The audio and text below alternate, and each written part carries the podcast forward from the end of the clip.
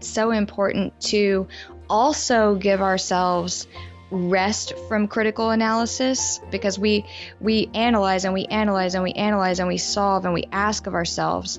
We realize the process of change is being with ourselves and accepting that we are already enough and everything we need is already right here. It's about seeing it in a new light that was Mandy Barbie, and you're listening to episode 171 of the Building Psychological Strength podcast, where we uncover the information, tools, and techniques to turn our mind into our most valuable asset. The courage to face fears with persistence. Being able to be present enough in this moment to choose my response thoughtfully. We have the strength to bend to life stressors, to bend to adversity without snapping, without breaking. There are only six things that contribute to our quality of life, and they are all experiences. In every moment, we are deciding who we want to be and how we want to live our lives. Noticing what your brain is doing and then being able to make choices. Mobilize the things that we know lift us up. Fear is not logical, it's primal. Hey, everybody, welcome back to the Building Psychological Strength podcast. My name is April Seifert, and I'm your host. Before we jump in today, I want to say thank you for all of you who are coming back to this podcast and for all of you who are joining me, you know, for the first time. My biggest goal with this podcast is to bring to you the best of the best tools, techniques, information from the fields of psychology and life design so that you can live better. And there has been no more important time for us to be using those tools than the present. These tools of psychology and life design and of positive psychology, specifically, I want to highlight that, they can be misconstrued as being things that we only do when times are good, you know, they're things where we can, quote, thrive because we're living our best life, we're doing our best. When in fact, these tools become even more powerful and even more important for us to focus on when times are not easy. It's really easy to control your attention and put it on something when it's something positive or entertaining. It's a lot more difficult to practice intentional control and mindfulness when the world is really difficult around you. So I want to thank each and every one of you for coming back to this podcast, for prioritizing yourself, for saying that you deserve to have some guidance and assistance and support and tools during this time that we're all going through that is so difficult. Um, thank you for prioritizing yourself and for doing the work that will help support you through the time that we're all going through. I'm really excited about this week's episode. We are speaking with a woman named Mandy Barbie, and she has such an incredible background. Um, most notably, she was an officer in the US military. She graduated from the Air Force Academy and worked at Langley, which gives her a really interesting perspective. And, you know, in this interview, she talks a lot about that time of her life and the experience she had that, although maybe not all of us can relate to working on, you know, these stealth aircraft, uh, you know, planes, but what we can relate to is our knee jerk reaction to take on too much. And she talks about that as a part of what happened to her during that stage of her life and how that has led her to a lot of the work that she's doing today. So I want to call that out because this episode is really for uh, for those people who feel like you are stretched really thin. It's for people who feel like you are taking on so much. It's for people who feel like you're trying so hard to help create a good experience for the people around you and help everyone else stay positive and stay up and manage the expectations and emotions of other people. And it is exhausting and too much for one person to handle. This episode is for you if any of that resonates. We have a deep conversation about what it means to overfunction and which pieces of that are ours to control and which pieces aren't. We actually talk a lot about how things like the committee in our mind, these voices that we have in our mind that keep us on task and drive us and push us to do more, um, how there are good intentions behind them, but how they might not be helpful. We talk about self sabotage. We talk about identity. Um, we talk about the real role of self care in all of this.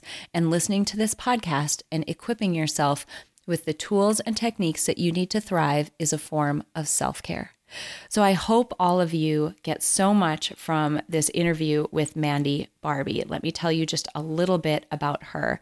She is the founder of Palladium Mind.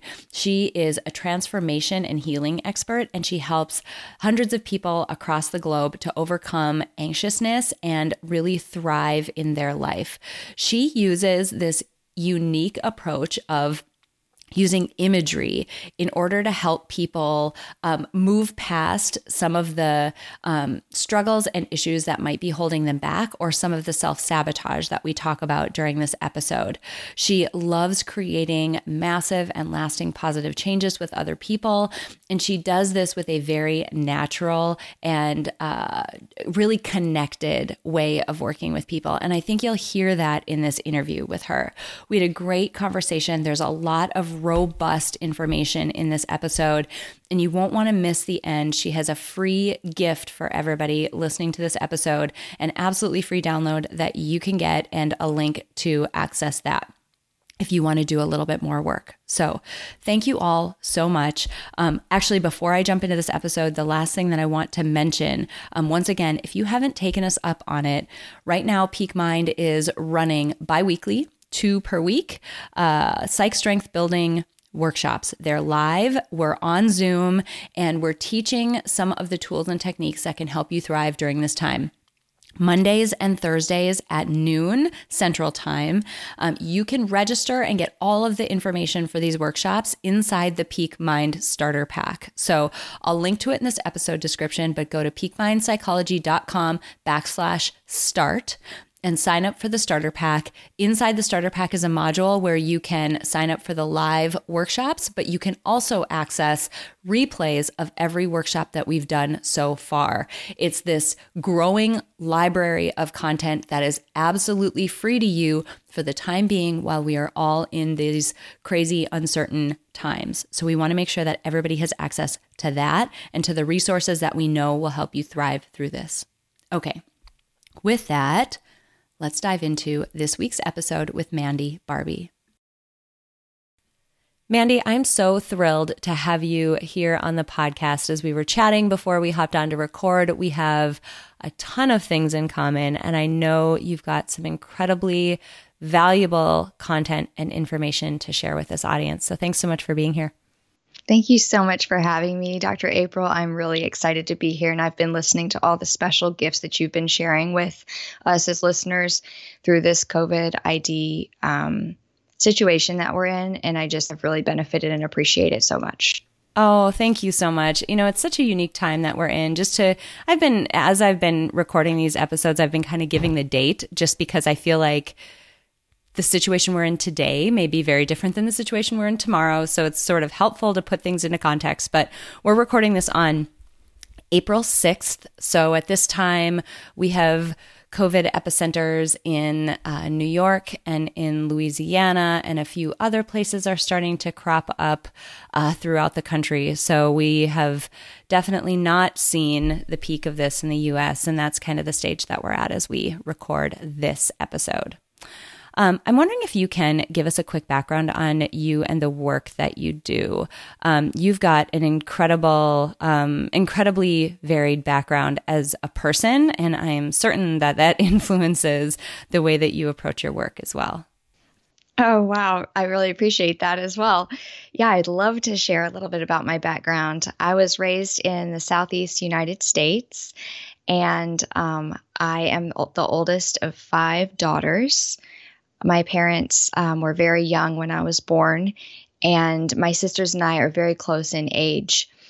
Um, I knew from a very early time, we didn't have a lot of military in my family, but I was naturally drawn to military service. And around the age of 11 or 12, I sought counsel from one of my most wonderful uncles who had gone to the Merchant Marine Academy, and he began to help me understand what it would look like to enter the Air Force Academy, which I was later fortunate enough to um, be accepted into. And so at the age of 17, I shipped off on one of the first airplane flights I'd ever taken to Colorado Springs and entered boot camp at the United States Air Force Academy. I spent four years there and then served in the military as an aircraft maintenance officer on the flight line of Langley Air Force Base, working with the F 22A Raptors. And, um, and at the end of my, essentially the end of my service commitment, I did a little bit of extra time and just um, wanted to experience the private sector. And um, I spent years of leadership out there and started a part time practice in hypnotherapy on the side while working here in Seattle, Washington, just a few years ago. Um, actually, it go entering the fifth year of my practice, and um, approximately three years ago, I took that practice full time because I believe it's my calling to help people access their own inner resources.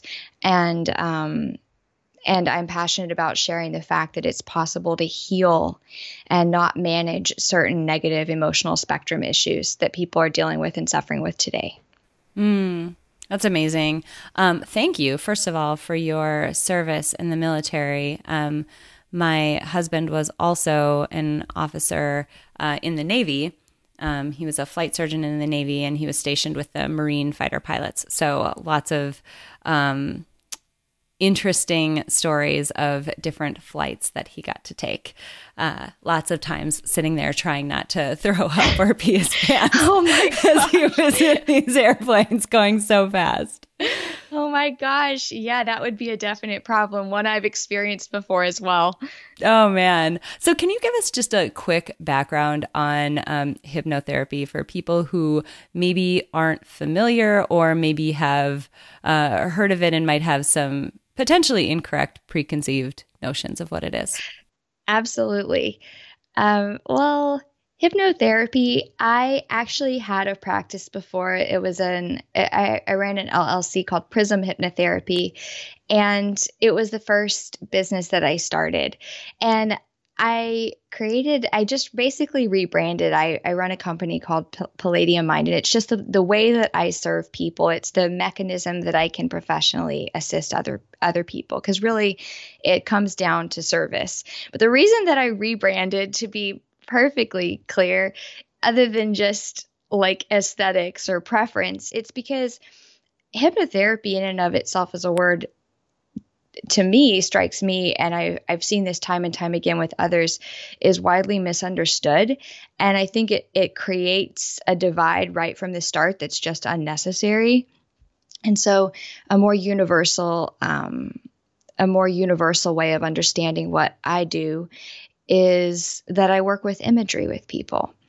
So I recently was thinking about this, just kind of diving in and navel gazing and, and like reassessing what it is that I actually do with people.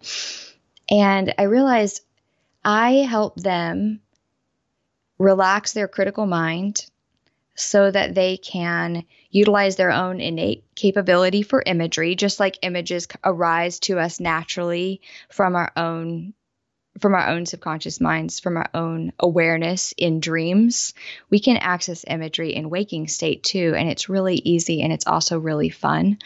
Um, and those two those two pieces combined with their emotionalized desire for whatever change that we want to create and our trust make change really easy. Mm, amazing. I love that. Um, when we, someplace I would love to start because I think, um, or love to cover is before we hopped on to record, you mentioned that um, in your experience when you were in the military, you, you have a background and an experience that is very similar to a lot of folks who listen to this podcast. You described a time when you were really trying to do everything. I mean, it sounds like three people's amount of stuff that you were attempting to do at the same time.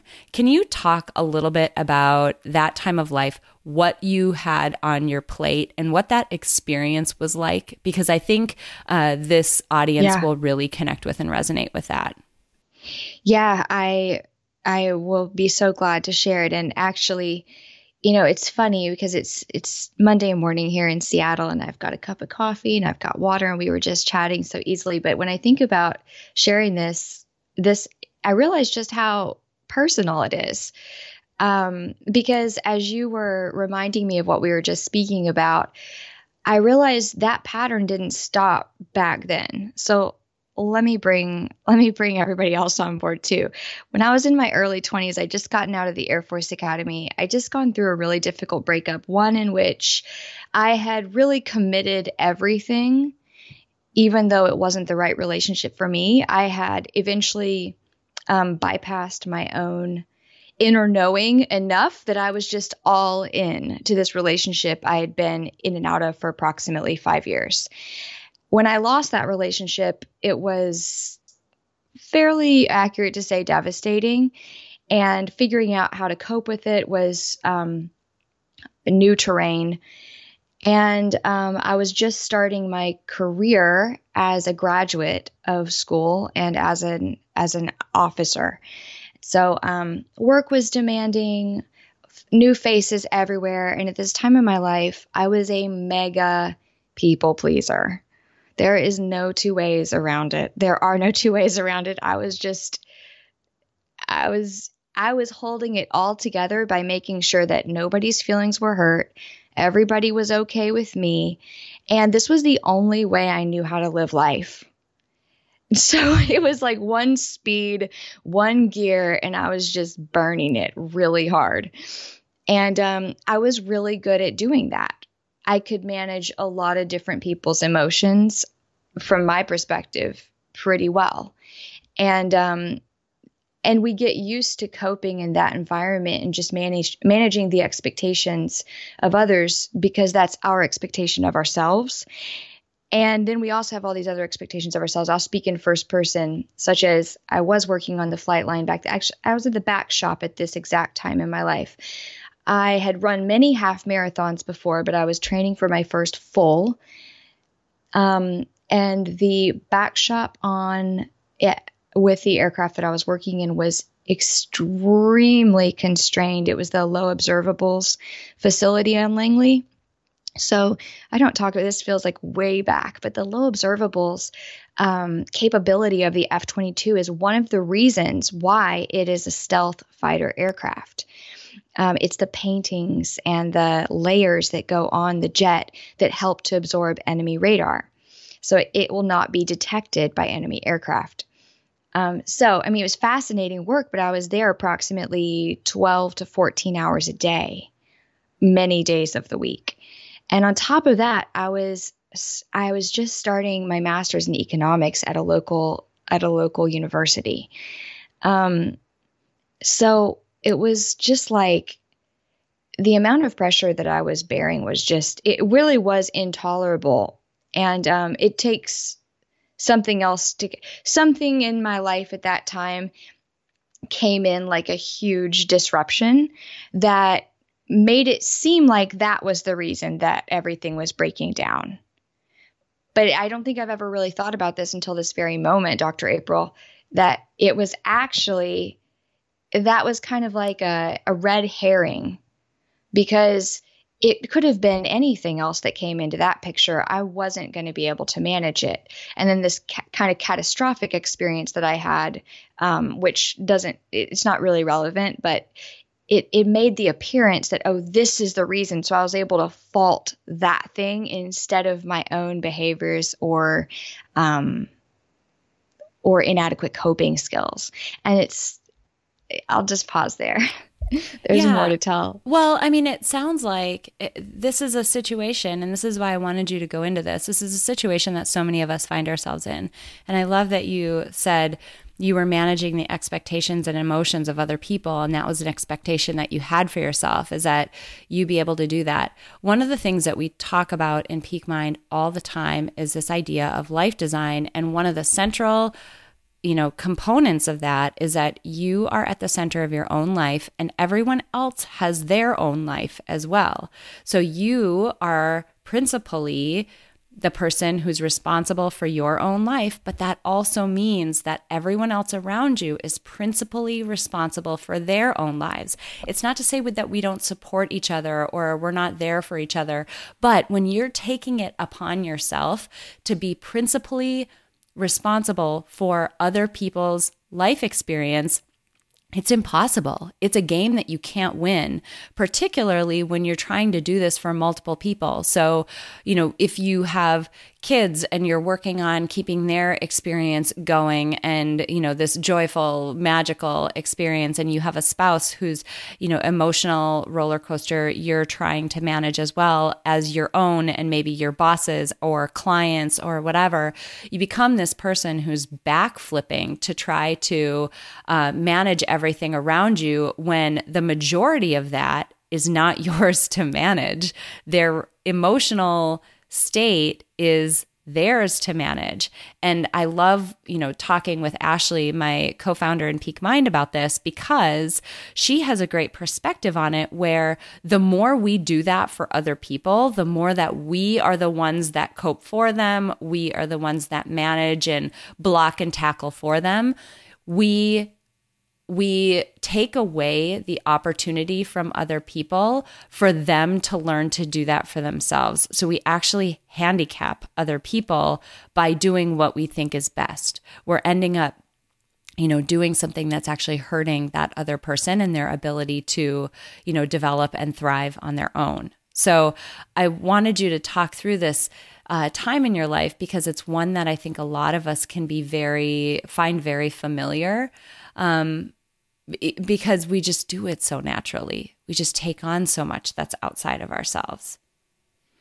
I could not agree with what you're saying more. And I think the clarity of the distillation of this message is so important. I was just listening to the podcast that came out with the author of Wait, No, It Gets Worse. Mm, yeah. I just yeah. was listening this morning and now I, her name is out of my mind, of course. But um Slavy, it, I think. Talked, yeah. Yes. Yeah. Yes she um you were just speaking about your passion about radical responsibility there as well and it's um absolutely absolutely 100% resonates. And and I also love the I really really echo the same feeling about it's like we can't really t- it's like this nuance I like to play with it we we can't truly like harm the other person because they are making their own choices but when we think that we are helping it's just such a beautiful perspective to under to let into the picture.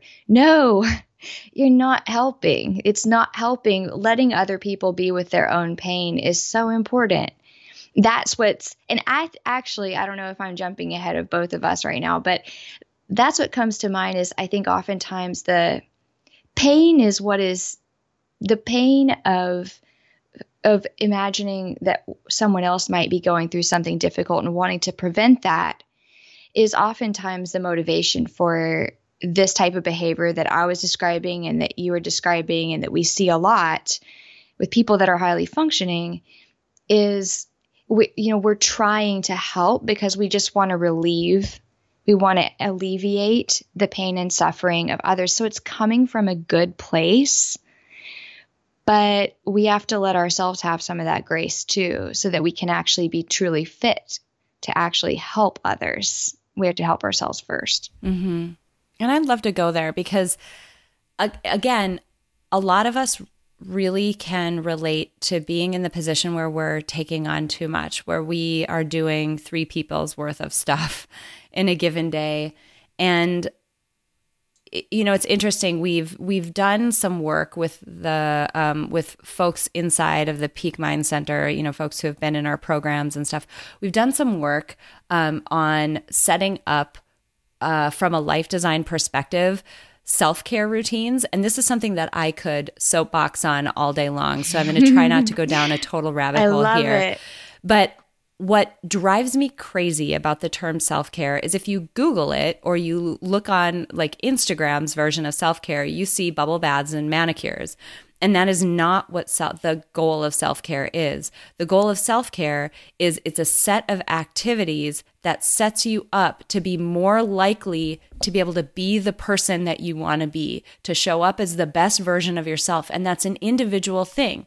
So, you know, people will do, for example, a morning routine and they get up and they have no idea what to do. They're like, well, I think I'm supposed to get up at five. So I'll get up at five and I do morning pages and I do yoga or meditate or something, right? That's what I'm supposed to do.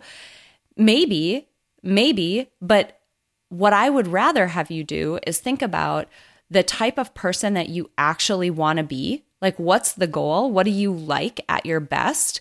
And then work backward from there. And what are the activities that you need to do in the morning or throughout your day to show up as that person.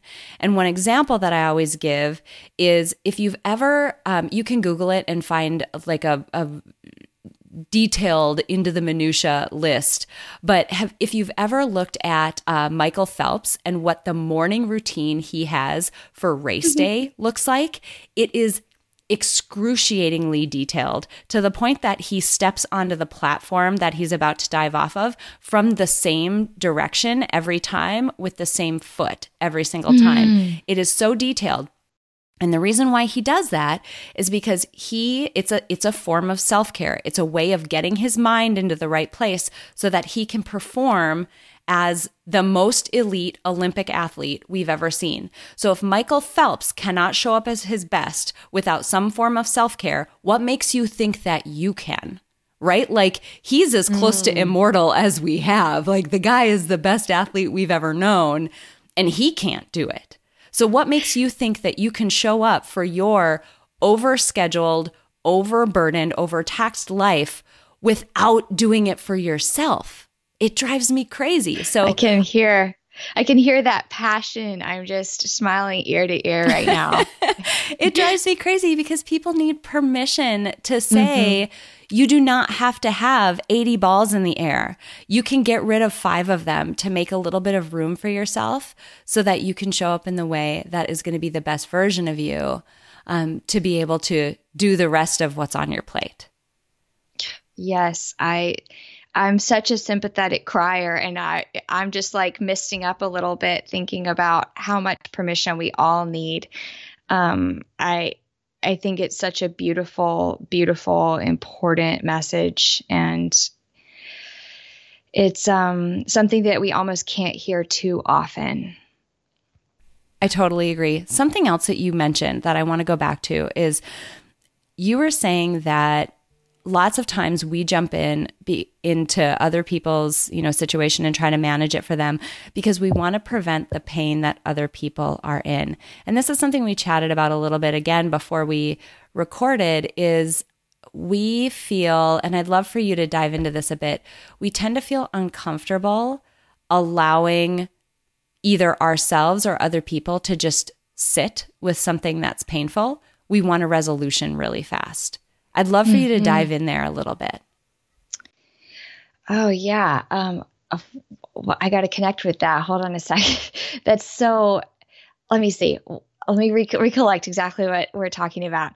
The, it's the, it, it's the phenomenon of wanting to kind of jump ahead of process and um, experience the result of something without maybe recognizing that there is something that needs to happen 1st mm-hmm. Is that right? Yeah. That's what we're talking about.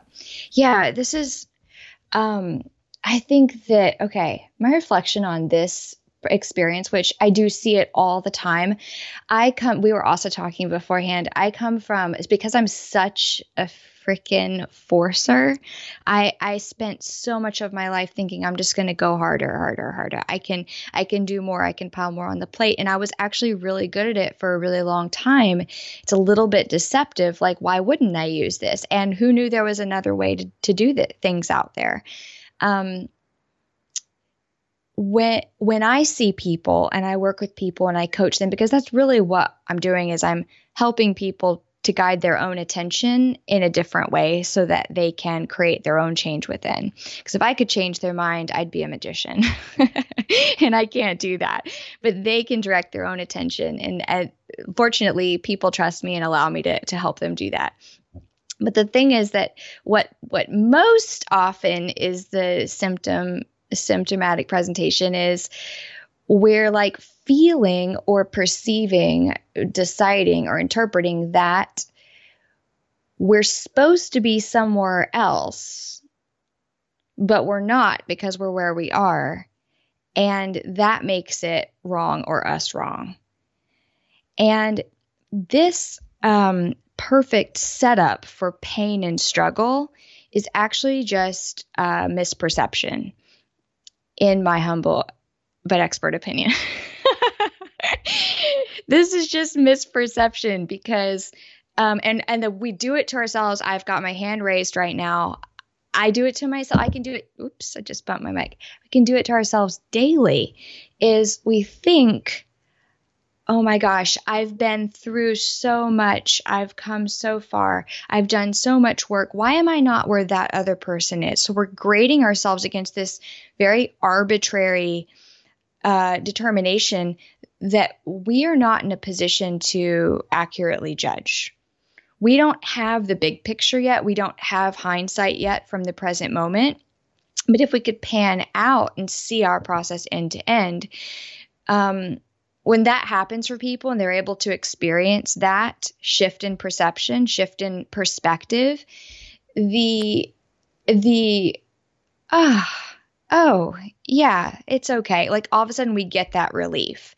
And so that is one that is I feel like there's so much I could say about this, but as I'm speaking, one thing that comes to mind is why it's so important to also give ourselves rest from critical analysis which you know just happens to be my soapbox a little bit because we we analyze and we analyze and we analyze and we solve and we ask of ourselves but even in meditation, sometimes what I see people do is they've got it as another thing on their to do list.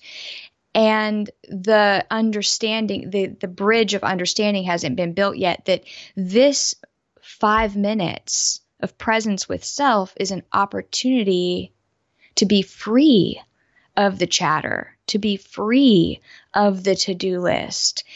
And that connect, when that, um, awareness happens, then then magic really can unfold because we realize the process of change is being with ourselves and accepting that we are already enough and everything we need is already right here. It's about seeing it in a new light. That was beautiful. I was just like uh, taking a note on that about you know the what you just said about the process of change is just being here right now. That's amazing. Um, thank you so much. I, I, mean you you mentioned something about this uh, critical voice that's in our head. Um, something else that ashley talks about a lot is that um, and i like the i like the analogy she uses that we all have this committee in our mind and many you know our committee members may differ some people may have a very loud committee member that is, uh, you know, their their great aunt who's very critical of everything they've ever done, and this voice that tells them that they're not good enough and they're not doing enough and they're not, you know, they're never going to succeed. And like, who are you? Um, other people, you know, I myself have a very loud taskmaster, and I have a very loud logistics person in my head. So my chatter isn't so much self deprecating as much as it is, um, you need to be doing more. There's a more efficient way to do this. You need to find a better way to do this. What else is on your to do list? It's this taskmaster logistics person that keeps me in a state that of unease. And I mm-hmm. love that you were talking about taking that moment to remove that critical layer of chatter and just allow yourself to be. You probably can't shut your mind off and make them stop, but you do not have to follow them for that five minutes, just give yourself permission mm-hmm. to take a break.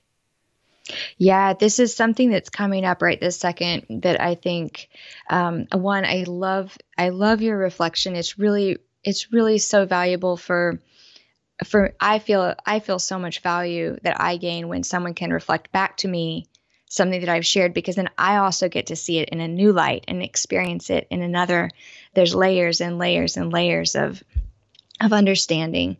Um, and so thank you. I also I also think that there is this.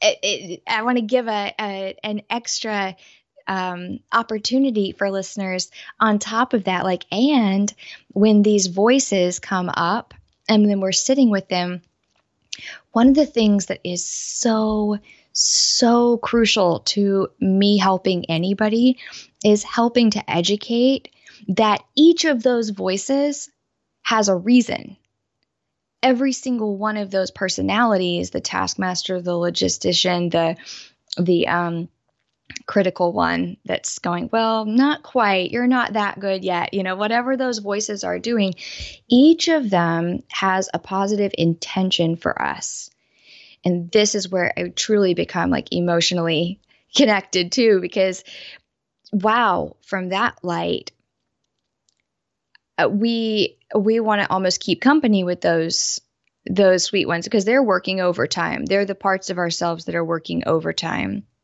I hope that I don't know that just came came to mind. Mm-hmm. Yeah. Creating space and forgiveness for the reasons why they're causing us these beefs. Mm-hmm.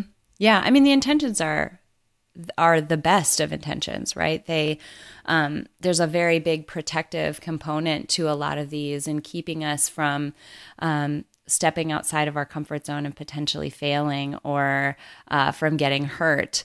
Um, it's actually really related, and what I would lo- I, what I don't want um, us to miss out on is talking a little bit about. Um, it, it, starts to flirt with this notion that I know you're passionate about too of self sabotage.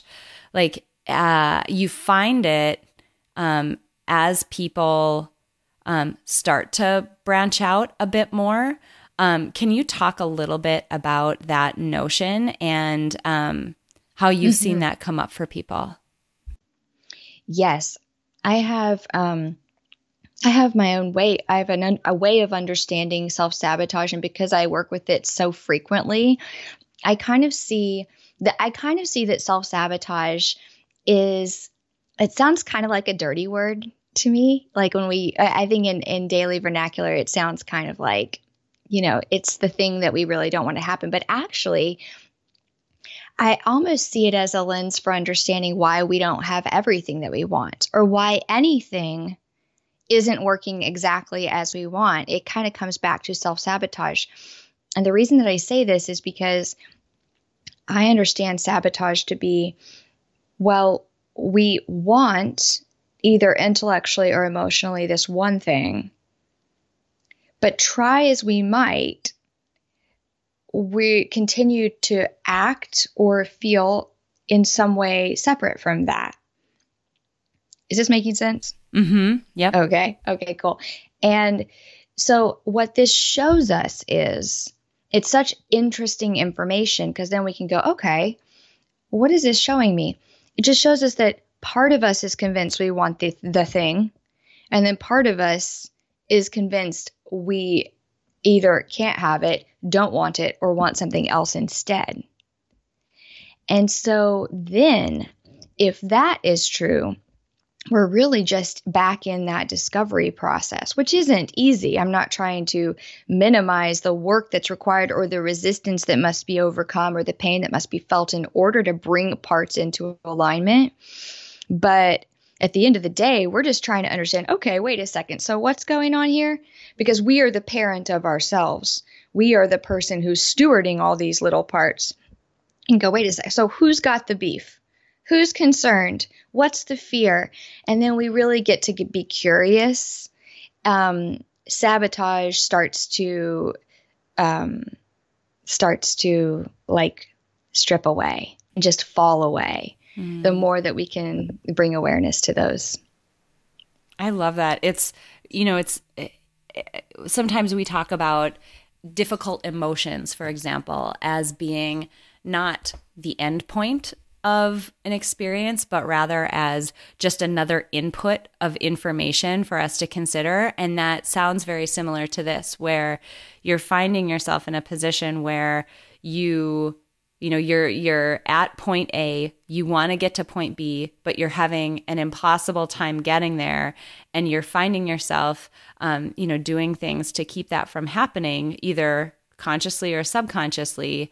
Um, it's it's funny because I I'm struggling to remember the book that I read that said this, but it basically said. Um, you will never allow yourself to have or to become something that you hate. So I think this was in the in the realm yeah. of money um, that I was reading this, but it's like if you have a notion that somehow you know someone who has that thing that you want is greedy or bad or doesn't deserve it or um, is some other negative thing that you hate or that you don't like, you're not going to allow yourself to become that. You're also not going to allow yourself to become something that is th- like diametrically opposed to your own identity. There's a reason why we have a self identity diagnostic in the Peak Mind Starter Pack. If you guys haven't taken that, I would highly suggest just go over to peakmindpsychology.com, sign up for the starter pack, and you can get you know immediate access to it. But there's a reason why we put that self identity diagnostic in there because when you start to see what the contents of your own identity are, you start to see it's another input into exactly what you just said. Why might I not be able to get to that point? Well, this is completely opposed to something that I believe that I am. And so to get there, you're going to have to shift that belief a little bit and you're going to have to loosen the reins on who you think you are in order to get to a place that is different from where you're at.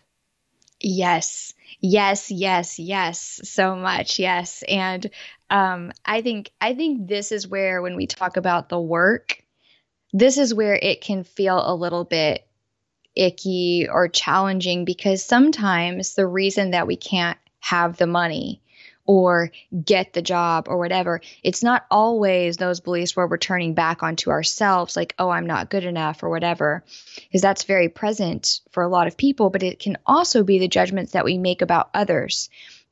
And having the bravery and the courage to actually look at and review our own judgments that we're making and take that radical responsibility like you are such a such a positive and amazing proponent of, um, that really takes courage because we have to admit, hmm, is this really the belief that I want to be holding? Is this really the judgment that I want to be making? So, yeah, but once we do that, if we just get cozy with that discomfort of accepting, hmm, yeah, I am really doing that, then the work becomes very quick, very rapid. Mm-hmm. I agree. I, I talk a lot about um, the, the just brutal honesty that you have to have, right? We don't, there are things about ourselves that we don't even want to admit are true. We don't want to admit that we hold that judgment about someone else. We don't want to admit that this thing actually scares us. We don't want to admit that it's not that we don't know what to do next, it's that we're afraid of what will happen when we take that step.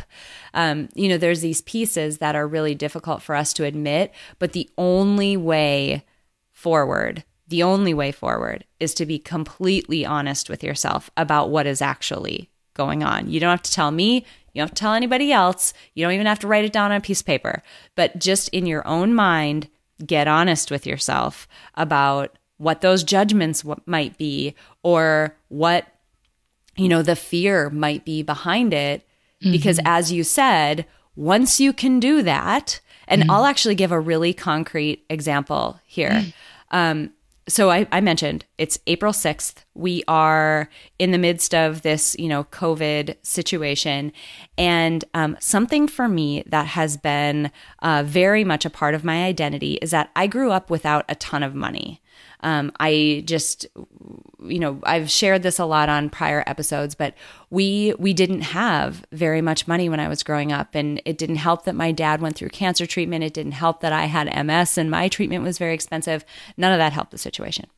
Um, but because of that, it is in my ingrained identity that I'm the type of person who doesn't have or get nice things, that those things are not something that are available for people like me. And uh, as this COVID situation has happened, and as we've had to um, st- shelter in place and quarantine and stay in our homes, I had to cancel um, an office space that I loved. I adored it. It's beautiful. I love everything about it, the way the lotion smells at this place. And it is this oh. wonderful, like just respite, incredible place. And when I canceled it, I had this, I just had the most horrible day, like the most tangled up web of feelings. And it took me sitting down, being quiet, and listening to them and getting super honest. And I'm like, oh, I'm sad to this degree about canceling an office, which isn't that big of a deal. I'm sad about it because it's making me feel like I didn't deserve it in the first place. And that's why it's happening. Oh, and at that point, you're right. The work happens quickly because I'm like, no, no, honey, you did not cause COVID. This is that is why this is happening. okay, like give yourself a little hug. Like, no, like treat yourself the way that you would treat a child who's coming to you who had a bad dream. Give that like give yourself a little hug like no, honey, that is not why that happened. Like it's okay. Right. and a little bit of self-soothing, but I want to give people that like concrete example because this stuff is sneaky and it's really powerful and it's like none of us are immune to it, you know? Mm-mm. No, that's such a beautiful example. I I feel I feel that emotion for you too and it's it's uh yeah that's a real one. I feel like the loss that these are little losses too that are got like seemingly little losses but they're not. And usually it's about what it means from the past. There was a lot of thoughts that were flooding through my mind as you were sharing that beautiful story but um i couldn't agree more. And i'm sorry you had to let that office go. I know what that's like. I have an office like that and i'm extremely attached to it. Mhm it's sad. I mean, we're all having to go through those times right now, but such is the situation that we're in. Um, as we're wrapping up today, you have a unique perspective um, just from the direction of that you come from the work that you do. Um, I would love for you to share a bit about uh, what it means to you um, for people to be psychologically strong. I'm honored to be asked that question because it means we're having this conversation, Dr. April. Um, you know how much I love this concept. I resonate completely, and I am excited to share my take on it. Um, psychological strength to me, probably as you might guess, because of those listening might guess because of what I've already shared a little bit, is sometimes maybe my lens is not about working harder or pushing more or doing more.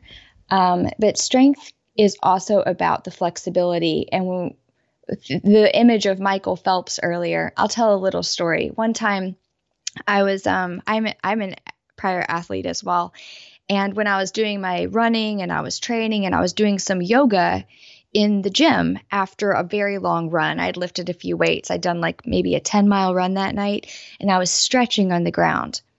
And a kindly gentleman was like, Wow, wow, you're so flexible. And it was actually, it was a very well meaning, I wasn't put off by it at all, but it, it's one of those things, you know, I was like, well, thank you. Yes, I work very hard to become this way. And he's like, Well, how do you do that? And he was actually very muscle bound. Like he had big muscles across the deltoids and um, just huge arms, very, very barrel shaped body, and, and very, very big legs. And I could tell that he spends a lot of time working to build those muscles up. He, you, don't get that way accidentally. And um, he was just acting so flabbergasted that I could be that I could be flexible. And um, I said, well, you know, every time that you're crunching your weights and shredding your muscles, and then the muscles rebuild more and they fill in and they grow bigger and stronger like that. I mean, you have to put in as much stretching as you do building if you even want to be neutral. So, strong, flexibly strong is where, like in my background as an athlete, where you want to be. And I think that's exactly, I think that we share like I think that, that that we share this this notion as well, but it's an aspect that I really think about a lot when I think about psychological strength is the ability to flex into other viewpoints and to be soft when ourselves with ourselves when softness is required or healthy as well as um, you know another another like musculature reference when in order for that track athlete to to spring out of the out of his um, chocks he has to coil up.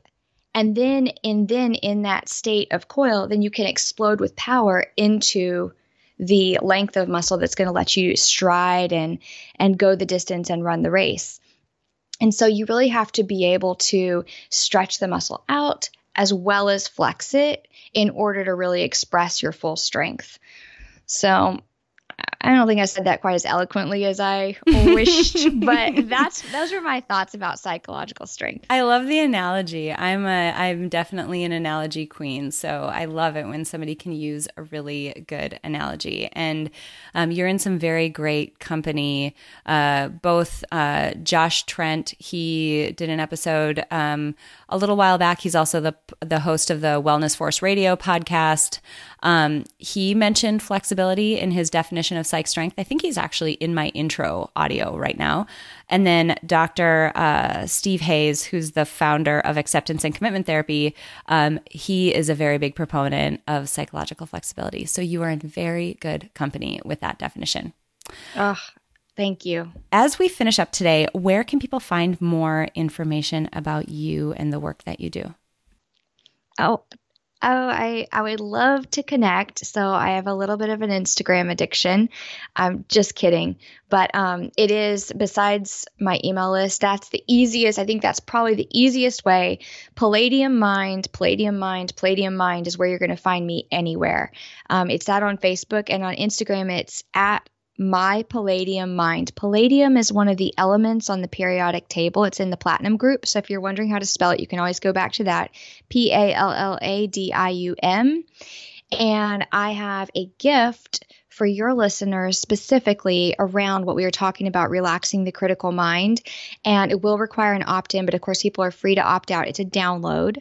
And that can be found at palladiummind.com forward slash BPS. So instead of having for them to have to spell out building psychological strength, they can just remember forward slash BPS and they'll be able to swipe something off my site and explore anything else they wish there. I love it.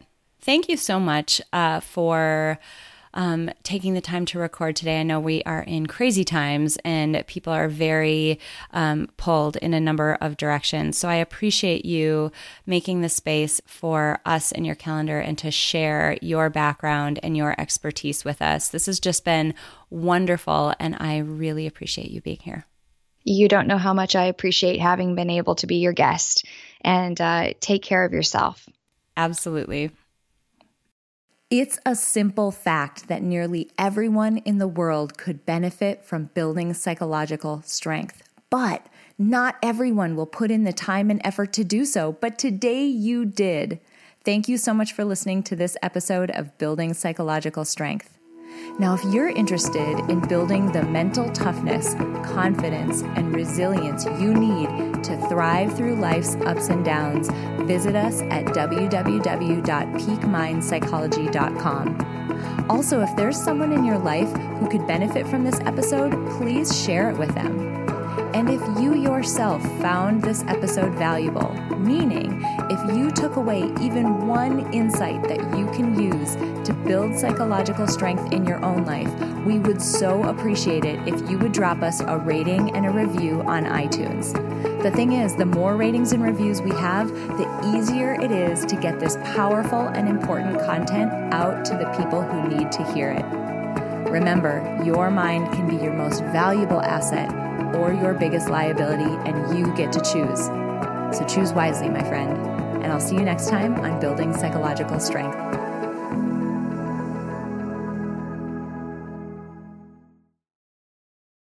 At Parker, our purpose is simple. We want to make the world a better place by working more efficiently, by using more sustainable practices, by developing better technologies. We keep moving forward. With each new idea, innovation, and partnership, we're one step closer to fulfilling our purpose every single day. To find out more, visit parker.com/purpose. Parker, engineering your success. As humans, we're naturally driven by the search for better. But when it comes to hiring, the best way to search for a candidate isn't to search at all. Don't search, match with Indeed. When I was looking to hire someone, it was so slow and overwhelming. I wish I had used Indeed. If you need to hire, you need Indeed. Indeed is your matching and hiring platform with over 350 million global monthly visitors, according to Indeed data, and a matching engine that helps you find quality candidates fast. Ditch the busy work. Use Indeed for scheduling, screening, and messaging so you can connect with candidates faster. And Indeed doesn't just help you hire faster. 93% of employers agree Indeed delivers the highest quality matches compared to other job sites, according to a recent Indeed survey. And listeners of this show will get a $75 sponsored job credit to get your jobs more visibility at Indeed.com slash podcast. That's Indeed.com slash podcast. Terms and conditions apply.